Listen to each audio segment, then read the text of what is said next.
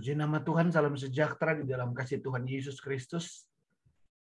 Selamat kita berbakti, memuji dan memuliakan nama Tuhan.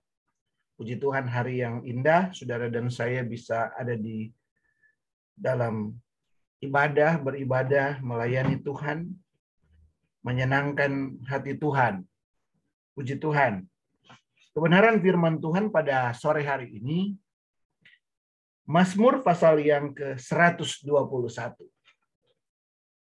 Mazmur 121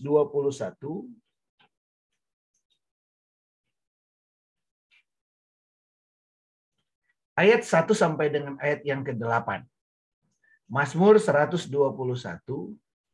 ayat 1 sampai dengan ayat yang ke-8. Demikian firman Tuhan.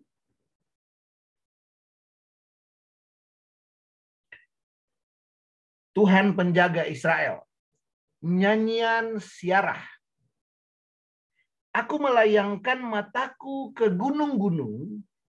Dari manakah akan datang pertolonganku? Pertolonganku ialah dari Tuhan yang menjadikan langit dan bumi. Ia takkan membiarkan kakimu goyah. Penjagamu tidak akan terlelap Sesungguhnya tidak terlelap dan tidak tertidur penjaga Israel. Tuhanlah penjagamu. Tuhanlah naunganmu di sebelah tangan kananmu. Matahari tidak menyakiti engkau pada waktu siang atau bulan pada waktu malam. Tuhan akan menjaga engkau terhadap segala kecelakaan. Ia akan menjaga nyawamu. Tuhan akan menjaga keluar masukmu dari sekarang sampai selama-lamanya. Puji Tuhan. Nah, saudara-saudara yang kekasih dalam Tuhan, tema firman Tuhan pada sore hari ini sesuai dengan eh, topik dari nats yang kita baca itu, Tuhan penjaga Israel. Tuhan penjaga Israel. Siapakah Israel itu? Termasuk saudara dan saya. Nanti kita akan lihat. Ah, mana bisa sih? Kita kan bukan masuk di 12 suku Israel. Ntar kita akan lihat. Nah, saudara-saudara yang kekasih dalam Tuhan. Ayat-ayat ini adalah ayat-ayat yang eh, sepertinya kalau kita baca ringan, sederhana. Dan memang seperti itulah. Tapi ada hal-hal yang luar biasa, saudara-saudara. Bagaimana keunggulan keunggulan dari Tuhan yang saudara dan saya sembah. Keunggulan dari Tuhan yang menjaga kita, yang menjaga saudara dan saya. Kita akan lihat di sana. Nah, eh, pelan-pelan saja mulai dari ayat yang pertama dikatakan nyanyian siarah. Saudara, kita harus paham nyanyian siarah ini bukan artinya oh ternyata orang Israel juga suka siarah ya ke mana? Ke makam, ke mana bukan ya? Kalau kita kan kalau siarah itu berarti siarah ke tanah makam. Tapi kalau orang Israel bukan begitu.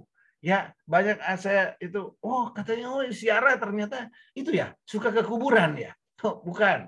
Saudara ya, siarah dari orang Israel. Orang Israel itu punya hari-hari raya punya hari-hari raya dan dari sekian banyak hari raya tiga hari raya besar yaitu hari raya eh, Paskah, hari raya Pantekosta atau hari raya Pentakosta dan hari raya Pondok Daun, Pondok Daun-daunan. Itu tiga hari raya besar. Ada hari raya-hari raya yang lain. Ada hari raya Serunai, eh, apa pentahbisan Bait Allah itu kemudian ada hari raya Purim, ada hari raya dan macam-macamnya. Kalau hari raya pentabisan saya lupa istilahnya. Nah, saudara-saudara ada begitu banyak hari raya. Jadi tap yang sangat diwajibkan adalah tiga hari raya besar, hari raya Paskah, hari raya Pentakosta, dan hari raya Pondok Daun. Itu orang Israel mau ada di mana saja, apakah dia di Indonesia, apa dia di Eropa, atau dia di mana, dia wajib untuk ke Yerusalem untuk merayakan hari raya ini. Jadi berangkat ke Yerusalem untuk merayakan hari raya itulah yang disebut dengan siarah. Jadi bukan ke tanah makam, bukan ke kuburan, bukan ya. Tapi pergi merayakan hari raya di Yerusalem, di bait Allah. Jadi itulah siarah. Jadi kalau nyanyian siarah, nanti saudara bisa baca di kitab Mazmur. Ini banyak sekali. Nyanyian siarah, nyanyian siarah Daud itu berarti nyanyian-nyanyian yang dibawakan oleh orang Israel, yang dinyanyiin oleh orang Israel waktu mereka melangkah ke rumah Tuhan. Mereka melangkah ke Yerusalem karena rumah Allah itu, bait Allah itu adanya di Yerusalem pada zaman ini ya, pada zaman Alkitab adanya di Yerusalem. Jadi mereka ke sana. Nah, di perjalanan mereka pergi dan pulang mereka suka eh, rombongan gitu ya, suka ikut rombongan. Kalau kita ingat eh, suka mereka suka jalan rombongan waktu Yesus gitu. Yesus berumur 12 tahun. Yusuf menyangka Yesus ada di rombongan Maria. Maria menyangka Yesus ada di rombongan Yusuf. Karena masing-masing dengan rombongan-rombongannya. Baik pergi ke bait Allah, ke Yerusalem maupun pulang. Jadi itu cara mereka berjalan dengan rombongan. Nah, di rombongan itu mereka menyanyi. Dan nyanyian-nyanyian yang dipakai adalah nyanyian-nyanyian siarah.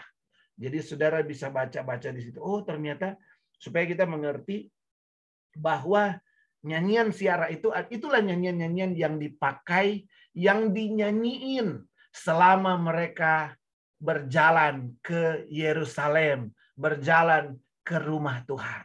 Ya, itu sebabnya di ayat yang ke-8 itu kalau kita harus pahami ayat yang ke-8. Tuhan akan menjaga keluar masukmu dari sekarang sampai selama-lamanya.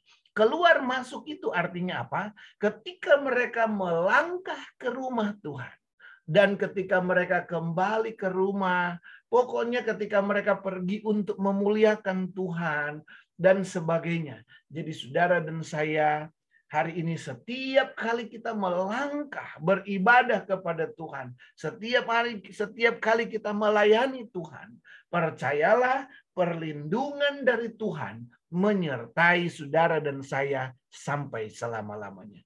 Itu luar biasa berkat ibadah itu. Berkat ibadah, beribadah kepada Tuhan, maka penyertaan Tuhan luar biasa. Nah, saudara-saudara yang kekasih dalam Tuhan, kembali ke ayat yang pertama dikatakan. Sekarang kita sudah paham ya tentang apa eh, bagian ini nyanyian siarah. Aku melayangkan mataku ke gunung-gunung. Dari manakah akan datang pertolonganku? Pertolonganku ialah dari Tuhan yang menjadikan langit dan bumi. Pemasmur ini berkata, aku melayangkan mataku ke gunung-gunung. Kok natapnya ke gunung. Kenapa? Penulis kitab Mazmur ini menulis aku melayangkan mataku ke gunung-gunung. Ada apa di gunung-gunung itu? Nah, ini juga kita harus memahami bersama bahwa ketika kitab Mazmur 121 ini ditulis, ketika bagian ini ditulis, maka pada saat-saat itu kita kalau kita melihat kebiasaan pada saat itu, saudara dan saya bisa lihat misalnya di ulangan pasal yang ke-12, kita lihat di sana. Ulangan pasal yang ke-12, saudara beri tanda itu Mazmur 121 dan kita akan lihat ulangan pasal yang ke-12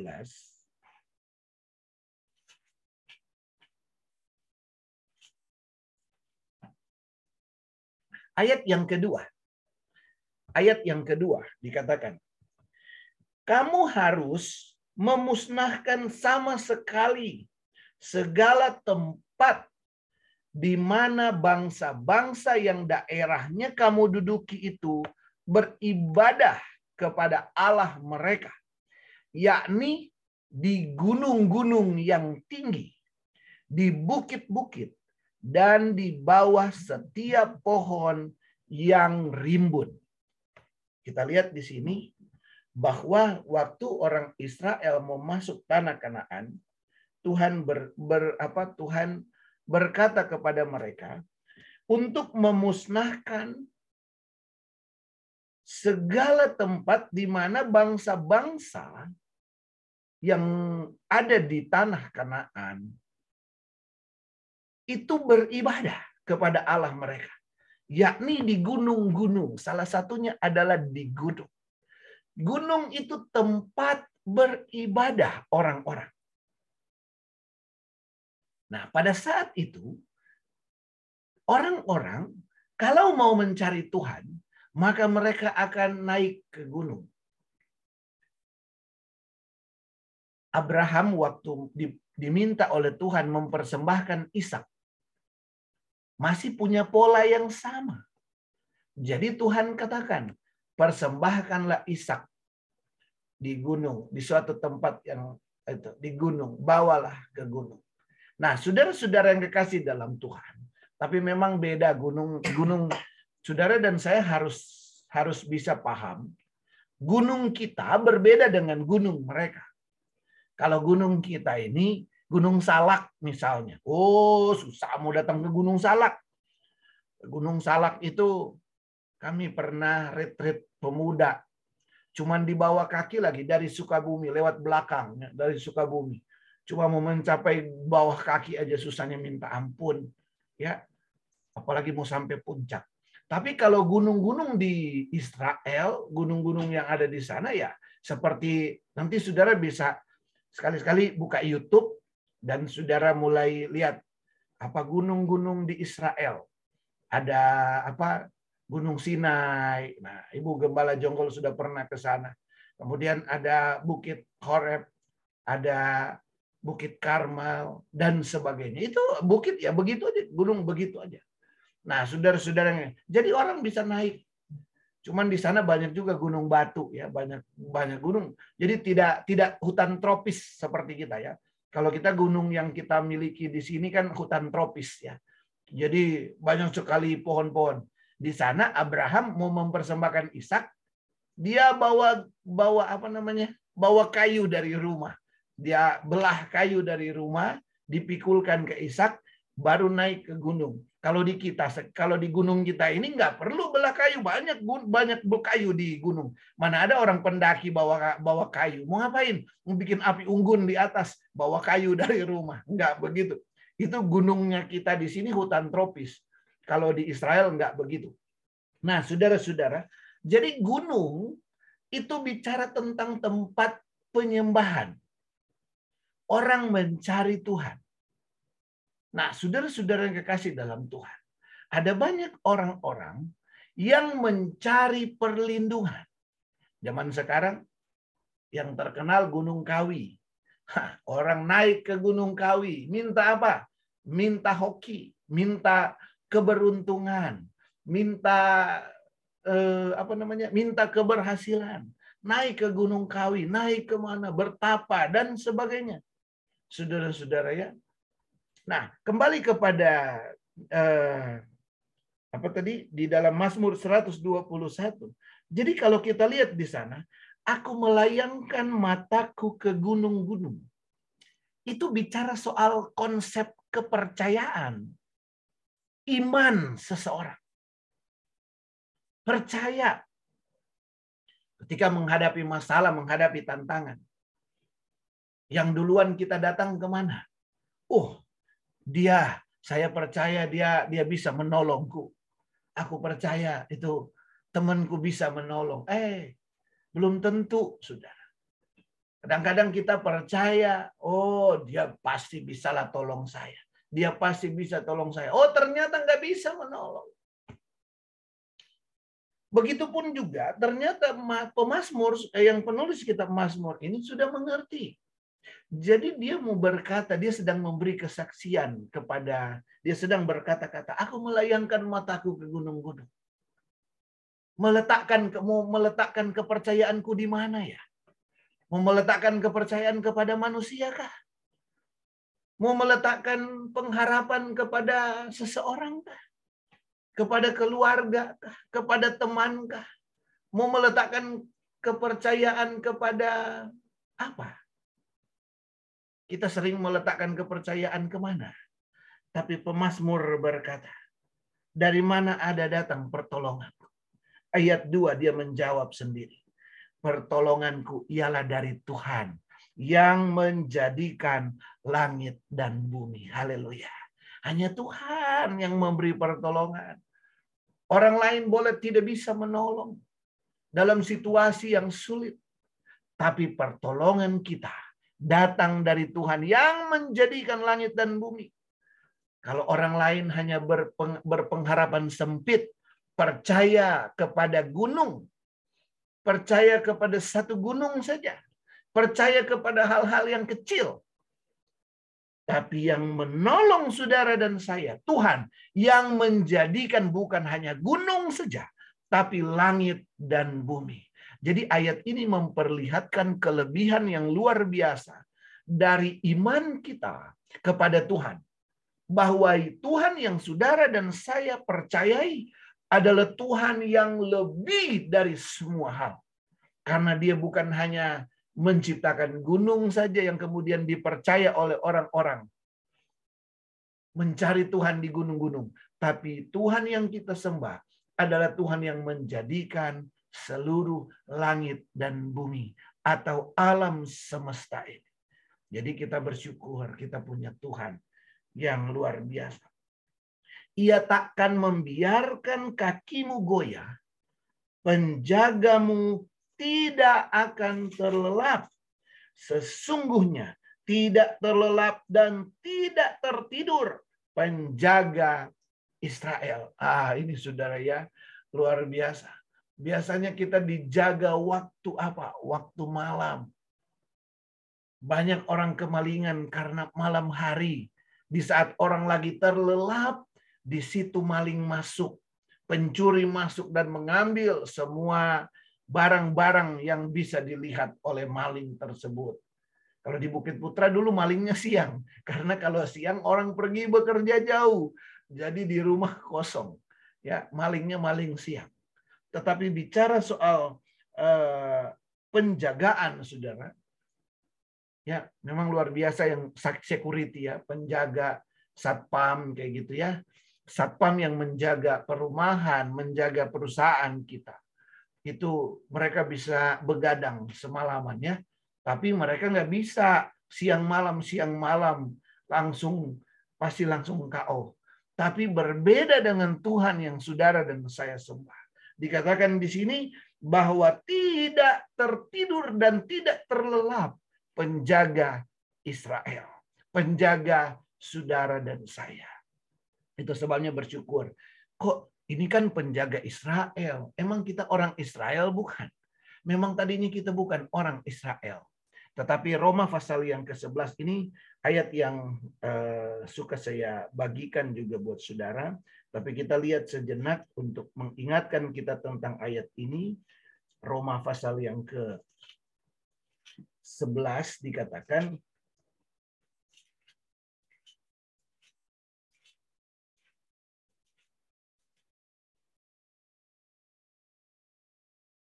Roma pasal yang ke-11 ayat yang ke-17. Karena itu, apabila beberapa cabang telah dipatahkan dan kamu sebagai tunas liar telah dicangkokkan di antaranya dan turut mendapat bagian dalam akar pohon saitun yang penuh getah. Saudara lihat, itu caranya. Jadi kita bukan diubahkan menjadi orang Israel, jadi kita punya nama Yakub, kita punya nama apa 12 suku Israel, Sebulon. Kita nggak perlu pakai marga begitu, pakai seh begitu. Tetapi kita adalah orang asing, adalah carang liar yang ditaruh di akar yang penuh getah itu, saudara-saudara. Di sini ada uh, Oma Yeni yang senang dengan tanaman, pasti tahu kalau yang cara-cara begini ya, kita tahu saya kalau di ini saya suka lihat di sini ada yang jualan apa namanya eh, kembang apa misalnya tuh yang suka di uh, dikawin gitu ya di ini ya uh, apa namanya disambung dan sebagainya saudara ya.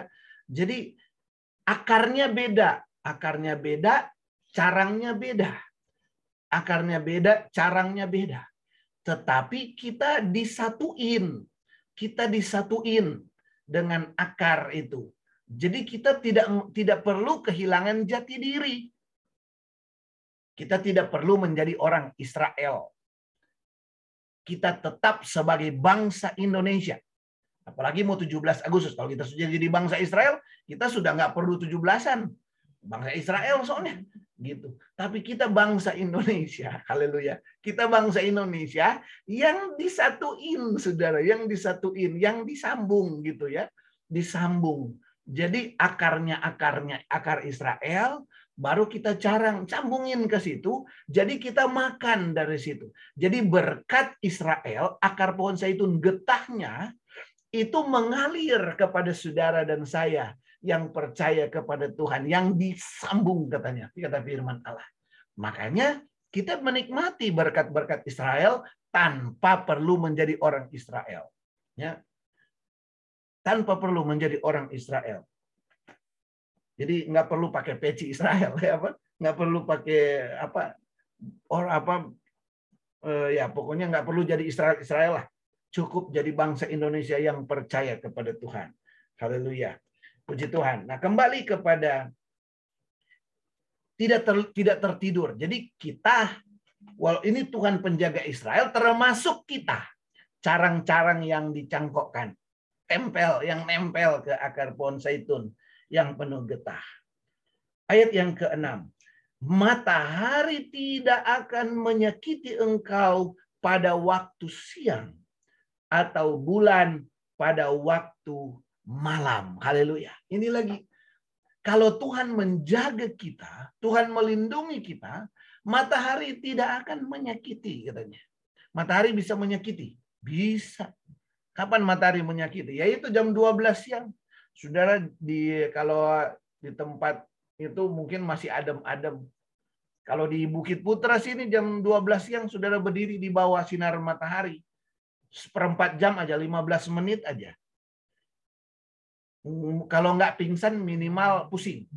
15 menit sudah ada di bawah pohon di di apa namanya di di sinar matahari terik itu kalau nggak pingsan ya pusing lah minimal sudah pusing sudah sudah gelap ini mata saudara ya saking panasnya jadi matahari bisa menyakiti matahari bisa menyakiti tapi saudara Pernahkah di sini dikatakan matahari tidak akan menyakiti engkau pada waktu siang atau bulan pada waktu malam? Pernahkah saudara disakiti oleh bulan? Kapan bulan menyakiti ya? Kok kayaknya bulan nggak pernah menyakiti? Saya coba untuk merenung. Kapan bulan tidak menyakiti? Rasanya bulan biasa-biasa saja. Sampai saya kemudian saya oh iya, Ternyata bulan bisa menyakiti. Bulan apa yang menyakiti? Bulan tua. bulan tua itu menyakiti, saudara ya. Waduh, sudah pendapatan menipis, apalagi sudah habis, ya.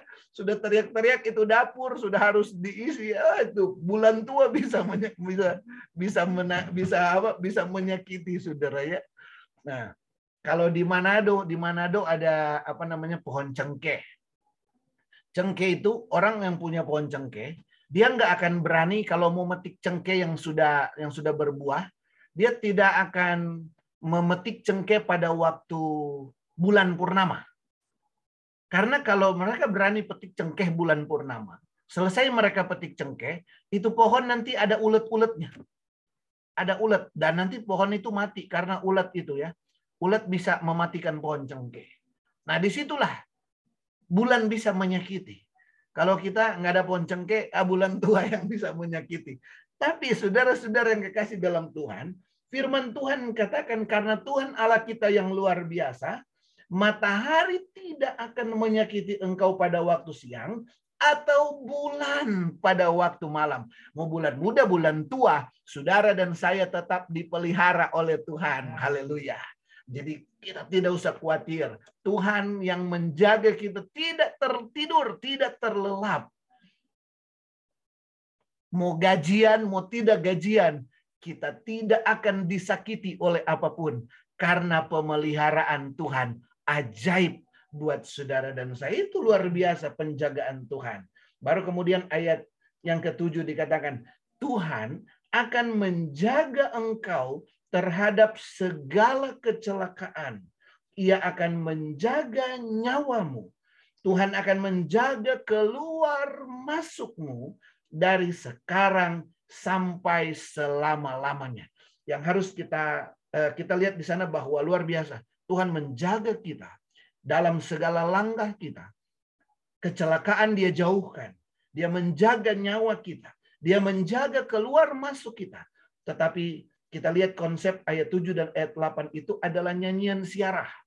Karena orang Israel melangkah ke rumah Tuhan.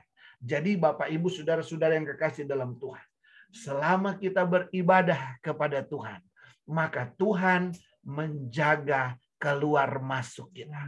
Dan ketika saudara keluar dari rumah, kembali ke rumah, selama kita memuliakan Tuhan, selama kita memuji nama Tuhan, selama kita menyenangkan hati Tuhan, selama kita hidup dalam kesetiaan kepada Tuhan. Firman Tuhan katakan, Tuhan menjaga keluar masukmu dari sekarang sampai selama-lamanya.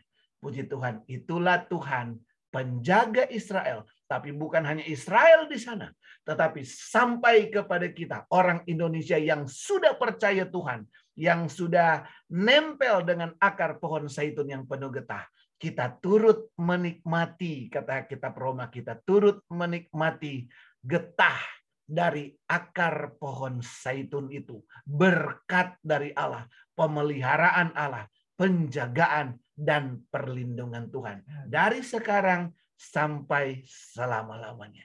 Puji Tuhan, Tuhan Yesus memberkati kita dengan kebenaran firman Tuhan. Tuhan penjaga kita. Haleluya. Puji Tuhan, kita akan Bapak Ibu Saudara-saudara, ini adalah minggu yang pertama. Kita akan siapkan hati kita juga untuk masuk di dalam perjamuan Tuhan. Haleluya. Puji Tuhan. Saudara-saudara yang kekasih dalam Tuhan. Yesus sudah mati buat saudara dan saya tetapi tubuh dan darahnya ada. Dia memberikan tubuh dan darahnya buat saudara dan saya. Yesus menyertai kita sampai selama-lamanya. Dia menjaga kita. Dia melindungi kita. Haleluya. Darahnya. Amat kuasa. Sucikan dari dosa. Lepaskan segala susah darahnya